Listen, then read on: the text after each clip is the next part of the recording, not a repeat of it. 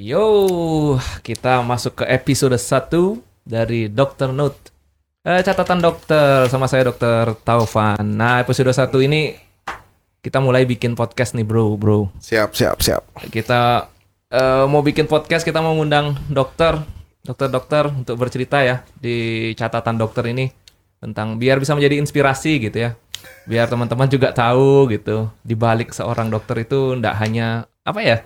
Nggak hanya tamat kuliah terus praktek gitu. Ah, banyak nih dokter-dokter yang aneh tapi penuh inspirasi. Cie. Siap, siap. Makanya kita bikin podcast seperti ini.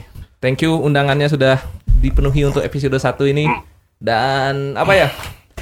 Karena kita nggak bisa bikin TikTok, jadi kita bikin podcast aja, bro. Yuk. Apa kabar, bro? Siap, baik, baik, baik. Eh, perkenalkan dulu, eh, saya Dokter Ari Budi Nugraha. Eh, saya udah kenal sama Dokter Tovan, disuruh ke sini untuk podcast. Aduh, apa sih ini podcast nih, bro? Ya, jadi kita share-share, bro. Share ngobrol gitu eh, tentang gimana jadi dokter, apa kesibukan sekarang, apa inspirasinya gitu ya. Kemudian ya ya sambil ngobrol aja kita rekam nanti bentuknya bisa video satu eh, apa namanya? audio satu kita bikin ya konten-konten seperti ini supaya teman-teman yang calon dokter ataupun teman-teman di Ya, luar ya, itu ya, eh, ada inspirasi gitu. Siap, siap. Masuk, masuk, masuk, masuk. Iya. masuk. Oke. Jadi teman-teman dokter Ari Budi Nugraha ya, Ya, bro. ya. Cerita dong bro, Oke. gimana bisa jadi dokter bro? Sebenarnya jadi dokter itu eh, kalau dari bahasa puisinya sih panggilan jiwa, tapi dari bahasa realitinya lah paksaan. Enggak, enggak, enggak, enggak. Jadi Berarti SMA kan di Bali kan? SMA di Bali. Mm-mm, SMA tahun berapa saya, itu? saya masuk 2004 tamat 2007 SMA 1 Denpasar. Terus kemudian eh, cari kedokteran nggak lulus bro, nggak lulus. Yang di mana? Di mana-mana no. Oh terus? Terus eh, nggak lulus, eh, sempat nyasar sebentar di Fakultas Sastra Inggris eh, Udayana setahun. Oh ya? Iya, nggak tahu ya. Bagian ini nggak tahu. Salah-salah tahu gitu kan ceritanya. terus terus terus.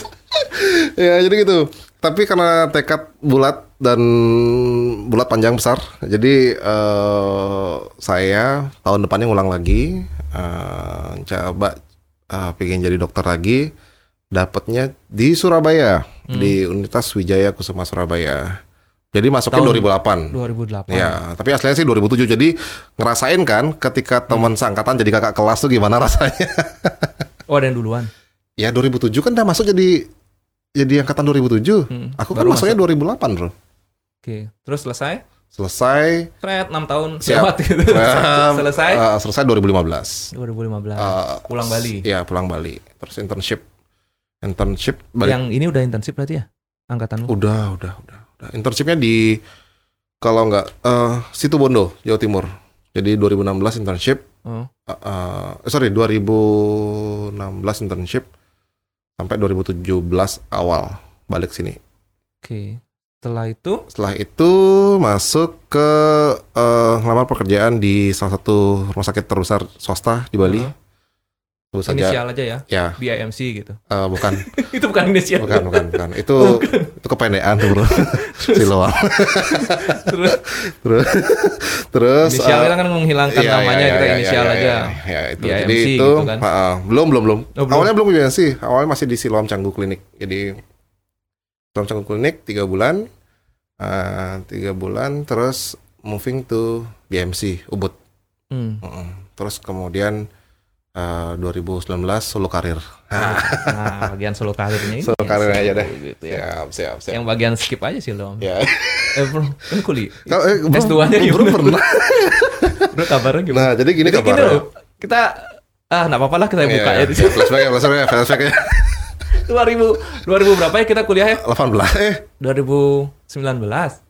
16 ya nah nah nah, nah, 2018. 18 2018 kita kuliah ya di Undiknas nyari S2 Januari gitu. Magister Manajemen. Nah, kita kuliah bareng, terus maju proposal bareng bertiga gitu ya. Iya, bertiga. Sama Bro Juser. ya ya Eh, terus akhirnya saya menyelesaikan berdua aja sama Bro berdua Juser. aja ya Iya. kok berdua aja bro ya saya masih sibuk gitu jadi eh Belum berarti sekarang? Hah? Belum berarti? sekarang belum tapi udah tinggal Ah, dah selesaiin dah. ya ya habis ini habis corona ya Terus Kan terus mulai seru. project pribadinya Oke, eh, 2019 awal saya selesai dari perusahaan company. Mhm. Eh, saya memang punya sebuah mimpi dari dulu sebelumnya, pingin buat eh, suatu bentukan healthcare yang unik, yang unik tapi mungkin eh bisa. Kalau saya, saya sebenarnya gini sih bro. Jadi eh, saya kalau jadi dokter tuh pinginnya bis agak ego sedikit ya, pingin kita biar biar bisa menyelesaikan masalah masalahnya eh, pasien kita lah ya dalam hal ini. Dan kebetulan eh, waktu dulu saya kuliah itu di Surabaya, waktu ikut bakti sosial bakti sosial itu saya pernah eh, ditawarin sama men, eh, senior saya dokter juga, berarti eh, dosen saya jadinya eh, untuk ambil sirkumsisi gitu. Ah, dan Sunat pada tahu gitu loh, ya. ya sunat lah orang bilang itu sunat. Hmm. Sirkumsisi apa sih itu gitu? Eh, ya waktu itu sih nggak tahu sih jalan-jalan aja, jadi belajar belajar aja. Nah, and then eh, some- suatu saat ketika saya selesai internship, eh, baru mau internship, saya pernah sedik eh, magang di suatu klinik di Tuban. Nah, Mungkin udah well known banget untuk tempat sirkumsisi. Jadi karena itu karena masih masa-masa ya namanya kita baru jadi dokter ya. Mungkin semua dokter yang sudah pernah ataupun calon-calon dokter pasti udah habis UKD itu merasa everything is ya I can do everything Nah, kayak gitu dah. And then and I want to try everything new gitu. Oke, jadi saya waktu itu di di suatu klinik tersebut ternyata punya layanan khusus sirkumsisi ataupun sunat ataupun kitan orang bilangnya. Jadi ada namanya pondok kitan. Nah, saya diajarin sama senior saya di sana. S- m- Pertama cuma lihat aja, lihat terus caranya. Oh, ya seperti itulah yang kita tahu gitu. Terus lama-lama ada seminar, ngikut, lihat, ah, terus ternyata kok menarik ya. Menarik itu dari sisi apa? Eh, ternyata oh, di Bali ini eh, tempat seperti ini jarang untuk difokuskan, jarang. Dan untuk demand-nya eh, saya rasa ini banyak opini saya sih, kayaknya sih besar karena apa? Karena eh, di Indonesia itu ternyata kalau dilihat dari data 2 juta anak per tahun itu sirkumsisi.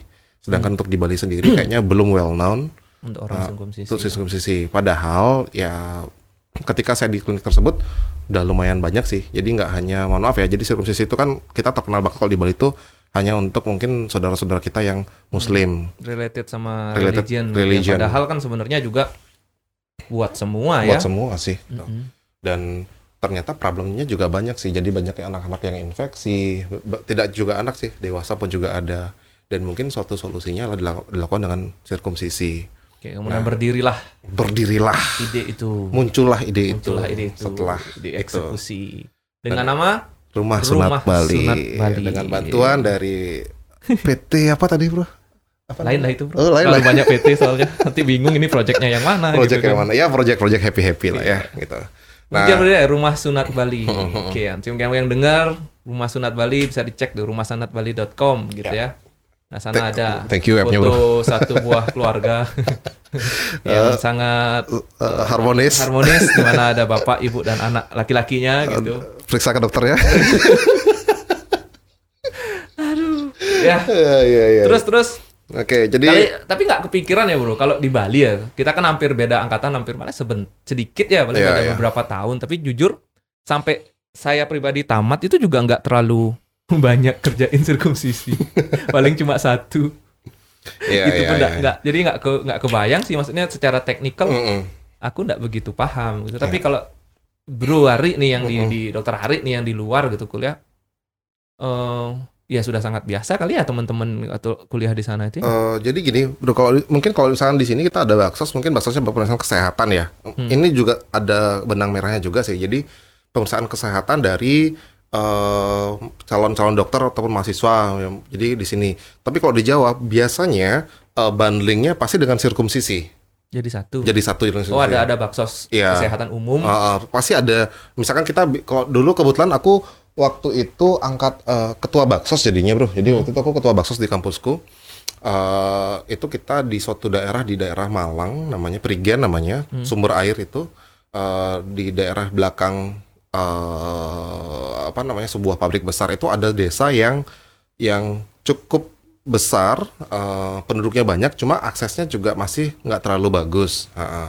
Nah itu ternyata waktu kita ngadakan baksos di sana tuh kita tidak hanya baksos kesehatan saja, tidak hanya kita menyumbang beberapa fasilitas kesehatan biasanya kan uh, WC apa semuanya edukasi kayak gitu kan.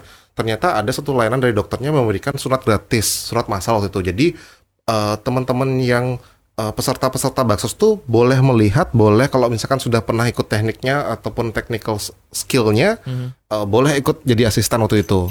Dan lumayan sih waktu itu kira-kira ada 20 atau 50 anak Anak-anak. ya sunatnya. Karena memang kan di sunat itu kalau di Jawa eh, pasti rame ya gitu. Nah, saya punya ide sih eh, di Bali gimana ya? Karena mohon maaf ya pengalaman pribadi juga sih dulu. Dulu pengalaman pribadi aku diserkumsisi umur 12 tahun itu di suatu praktekan dokter di Bali. Mungkin dokternya sekarang sudah almarhum senior banget mungkin di Bali. Jadi eh, karena ada saudara yang eh, beragama Muslim waktu itu, jadi saya ikut aja sih. Ternyata menyakitkan bro, menyakitkan banget. Bagian itu ya jangan. Bisa ngilu-ngilu ya. Nggak sih.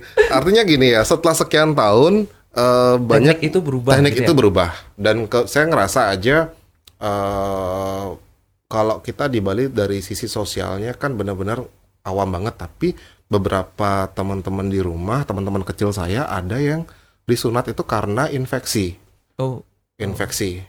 Which Iya, is iya. misalkan saya berpikir eh, oke lah kita nggak ngomong yang mungkin eh, saudara kita yang muslim. Untuk yang non muslim misalkan jika mereka sirkumsisi pasti mereka dilakukan mungkin ya itu privately ya.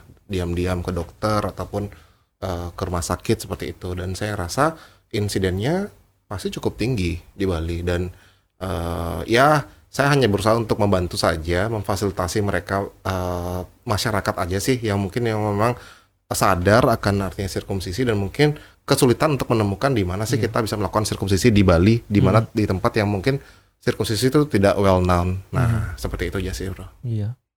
Iya sih ya, bingung juga ya. Hampir sebagian besar juga enggak Iya, artinya kita mengedukasi juga Iya, bahwa iya. sirkumsasi sirkumsisi itu sehat loh gitu ya. Ada beberapa faktor risiko eh risiko-risiko yang bisa diturunkan gitu ya. Iya. Kan itu juga nggak terfasilitasi sih dulu nggak ada yang menyuarakan itu masih sirkumsisi masih related sama eh, religion Ah, ah, ah, mungkin ah. gitu ya. Terus Dan eh, an- dewasa ada bro? Ada bro, justru di Bali itulah. Jadi eh itu adalah suatu kalau kita ngomong masalah bisnis adalah segmented market yang kita nggak tahu ya. Ternyata ada demand orang dewasa itu sirkumsisi di Bali dan jumlahnya eh jadi gini bro, di dunia sirkumsisi itu kita punya sejenis perkumpulan sendiri satu Indonesia. Eh, kita sering tukar pendapat, eh, tukar pendapat, tukar share pengalaman dan bagaimana bagaimana gitu. Ternyata jumlah sirkumsisi di Bali itu insidensinya tinggi ketimbang teman-teman saya yang di ada di eh, luar Bali. Eh, kenapa? Ternyata ada beberapa faktor. Pertama, mm, mungkin karena Yang orang dewasa nih. dewasa ya. Oh terus? Kalau misalkan itu emang syarat untuk aga- masuk agama Islam adalah mohon ma- maksud saya lah mualaf lah harus disunat seperti itu Hmm. otomatis kan dia dewasa sunatnya Heeh.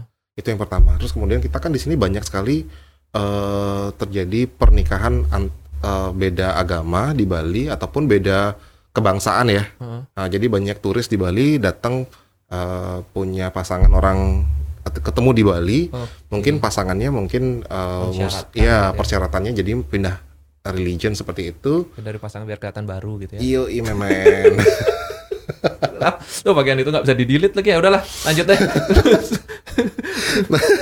jadi terus yang kedua eh, karena kita nggak teredukasi untuk sunat dari usia kecil nah itu there there is a problems jadi beberapa ada pasien saya orang dewasa even itu eh, saya senang ya sama teman kita orang Bali kalau orang Bali bilang eh, sunat. Karena ya mereka mungkin baru sadar atau ada tanda-tanda infeksi. Kebanyakan sih infeksi sih bro. Berarti kan ada case ya. ya ada case. Dan itu jadi gini eh, saya pasti saya buat suatu bentukan eh, layanan kesehatan yang sebenarnya berbasis dokter praktek biar tidak salah dari sisi legal dokter praktek. Cuma karena sirkumsisi ini sebenarnya dalam Kompetensi. kompetensinya adalah 4A untuk dokter umum berarti saya masih melakukan dengan beberapa eh, eh, apa namanya persyaratan ya contohnya seperti misalkan dilakukan dengan eh, biusnya lokal seperti itu teknik-teknik yang standar saja dan tidak menangani kasus-kasus yang bersa- bersa- berkaitan dengan uh, kelainan anatomis misalkan seperti itu.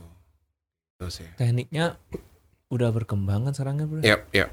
Kalau dulu kan masih apa ya di di bedel lah tadi di di aduh kok bahasanya di bedel kan kalau Jeder. di apa ya dipotong gitu lah ya Ya, kemudian ya, dijahit ya, gitu ya. Nah, tekniknya sendiri aku, aku jujur nggak kebayang bro Nggak kebayang ya. nggak kebayang bener Eh, kalau secara garis besar deh gitu jadi sebenarnya yang denger dia punya anak kecil gitu. Kalau Ah. aku sih nggak punya anak cowok gitu ya. belum belum. Jangan lagi lah, udah dua. udah enggak lah. Kalau nggak enak. Mudah-mudahan istriku denger. Terus, terus. Enggak lah. jadi enak kan. Terus terus. Jadi eh, perkembangannya begini. Jadi eh, kalau saya kan eh, karena kita kedokteran ya, jadi kita pasti acuan kita jurnal-jurnal, eh, terus kemudian penemuan-penemuan riset-riset medis berikutnya. Eh, Sebenarnya secara prinsip sama aja semua. Saya pernah satu ketemu eh, dokter yang sudah senior dalam dunia sirkumsisi. Eh, mungkin saya tidak sebut namanya di sini. Jadi beliau itu selalu bilang jika apa pun metodenya, basicnya pasti dengan metode konvensional seperti itu. Metode konvensional itu adalah metode teknik bedah kita bilang teknik bedah konvensional. Nah, eh, metode-metode yang baru yang baru itu hanya menyempurnakan metode sebelumnya dan membantu operator menemukan eh, benefit-benefit lainnya. Contoh misalkan zaman dulu nggak ada nggak ada eh, metode yang seperti baru jadinya eh, dilakukan dengan teknik bedah dan masih dijahit jadinya seperti itu ya jahit otomatis which is itu bagus sangat bagus baku eh, which is eh, keterampilan seorang dokter diuji untuk menghasilkan yang hasil yang estetik tapi dengan bantuan alat yang sekarang mungkin misalkan dengan dicetak ataupun apa semuanya bisa menemukan form bekas luka scar yang lebih baik. Baik. Nah, Lebih cepat sembuhnya. Kalau sembuh itu saya nggak boleh bilang lebih cepat karena penyembuhan itu eh, faktornya banyak ya biar kita nggak salah. Karena benar-benar em, diskusi kesehatan tuh benar-benar eh, harus em, di tengah-tengah banget harus bahasa yang eh, mewakili banget. Kita nggak boleh menjanjikan promises nggak boleh. Hmm. Eh, biasanya saya yang saya info adalah sembuhnya tergantung dari eh, metode, kemudian usia pasien. Nah, which is kalau misalnya anak-anak itu pasti 4 7 sampai 14 hari. Kalau dewasa ya more than that lah. Lebih gitu lagi ya? Lebih lagi. Cuma eh, perbedaannya begini, Bro. Perbedaannya gini, kalau kita melihat sembuh itu dari sisi luka Oh, berarti kan berkaitan dengan sel tubuh, semua proses penyembuhan dan lain-lain. Tapi kalau kita melihat uh, perspektif sembuh itu dari kapan seseorang itu bisa beraktiviti kembali, nah itu mungkin bisa kita kita kita informasikan pada pasien kita bahwa aktivitinya bisa dimulai as soon as possible, ha-ha, jika memang nyeri sudah hilang. Hmm. Dengan- nyeri ya sembuh sembuh dalam artian beraktivitas normal. Ya dong gitu ya. gitu. Kan beda lah. Karena kita kan hanya rawat jalan, Bro. Jadi Hmm. kan kita jadi uh, one day service.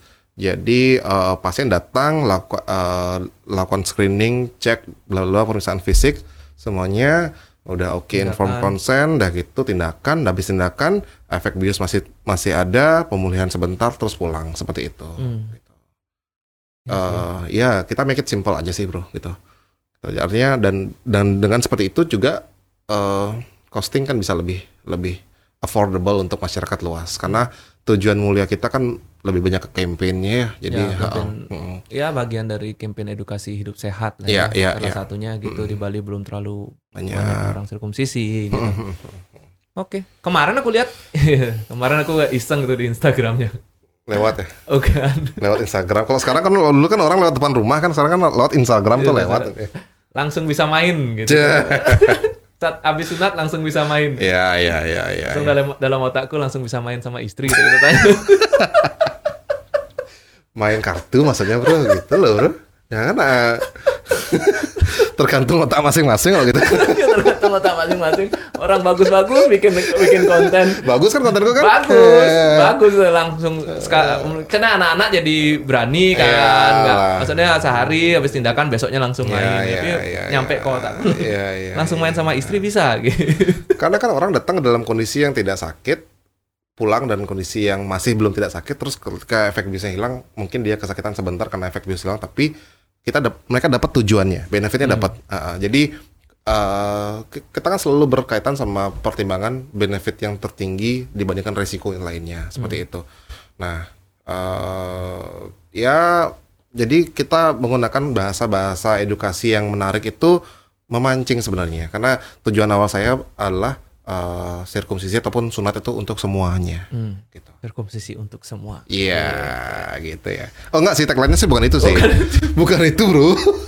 tapi itu tapi masih ada ya aku lihat sekarang kali sisi sosialnya masih masih jalan aku lihat di rumah sunat Bali ini beberapa juga sunat masal jalan kan ya bro Eh, nah, gini-gini nih, tak jelasin. Jadi kalau sunat massal eh, saya jarang ngambil, jujur jarang mengambil. Eh, bahkan bisa dihitung dengan jari. Pernah kita ngambil sunat tuh grup aja sih. oh Grup. grup, Nah, karena kalau massal tuh sisi higienitas pertama.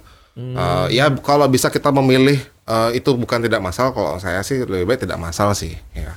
Tapi kalau memang ada Eh, pertimbangan-pertimbangan lainnya, lebih- heeh screening lebih dalam gitu ya. kan karena eh, jadikan aja ini sebagai momen sih sebenarnya kalau misalkan eh, teman saudara-saudara kita yang saya pernah di Jawa saya pernah eh, saya punya saudara orang apa saudara Muslim mereka menja- menjadikan sirkumsisi sebagai sebuah celebration moment of life Hmm. dan every kids every boys yang sudah sirkumsisi pasti punya moment of life-nya masing-masing lah seperti itu. Nah, kalau misalkan dilakukan dengan suratan massal ya kalau bisa dilakukan private ya kenapa harus massal sih gitu. Oke. Cuma kalau kita di sini punya charity, Dok, eh, Bro.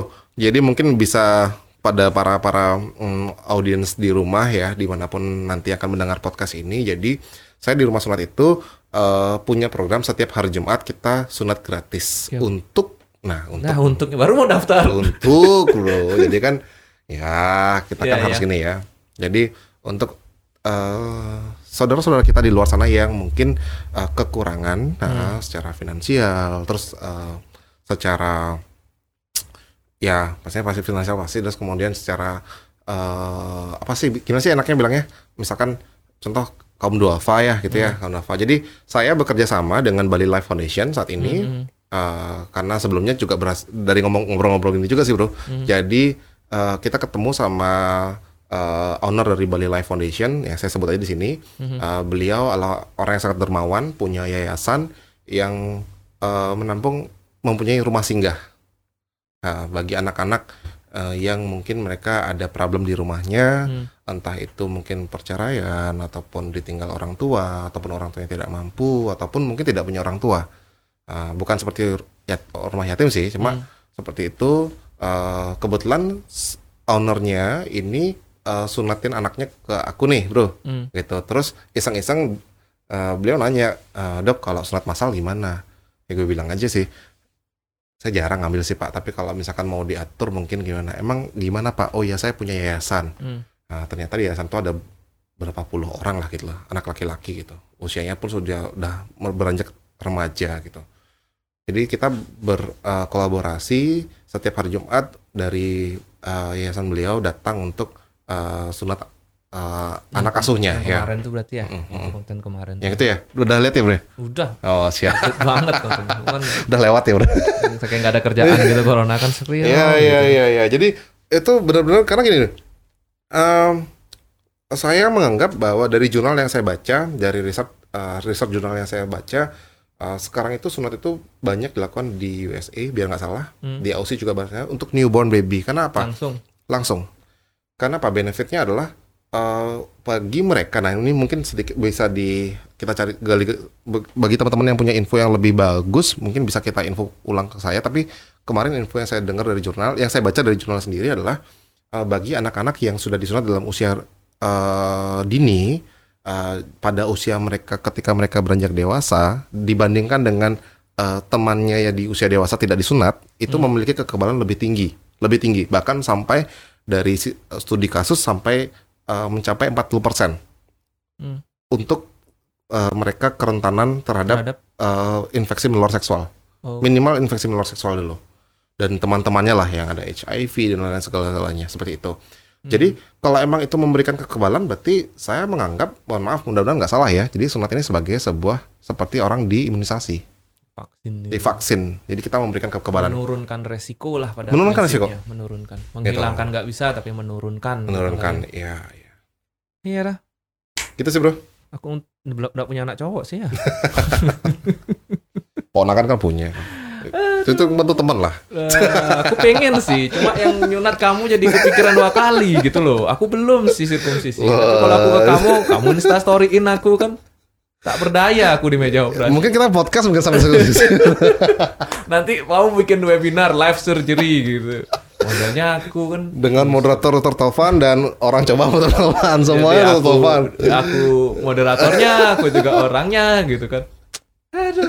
Nggak kebayang sih nggak kebayang. Aduh jangan dah ngomongin aneh-aneh. Oke deh bro. Ya siap siap siap. Thank you waktunya. Oke thank you bro, thank you bro. Mudah-mudahan Main-main ke sini. Siap. Jadi- Mudah-mudahan mengisi episode 1 dari Dokter Note catatan dokter. project ini mudah-mudahan lancar ya bro Kalau ya. mudah-mudahan ada episode 2 dan, Dan lainnya siap, kita siap, undang teman-teman kalau siap. mau ya sharing Anytime, anytime. Ya. Jadi eh, aku sih nganggap ini udah oke banget karena hari gini orang dapat informasi itu seliweran. Jadi banyak banget. Mohon maaf ya hari gini lulusan universitas WhatsApp bro. Hmm, iya. Unu- unu- lulusan WhatsApp, lulusan YouTube, lulusan bla bla bla bla bla bla.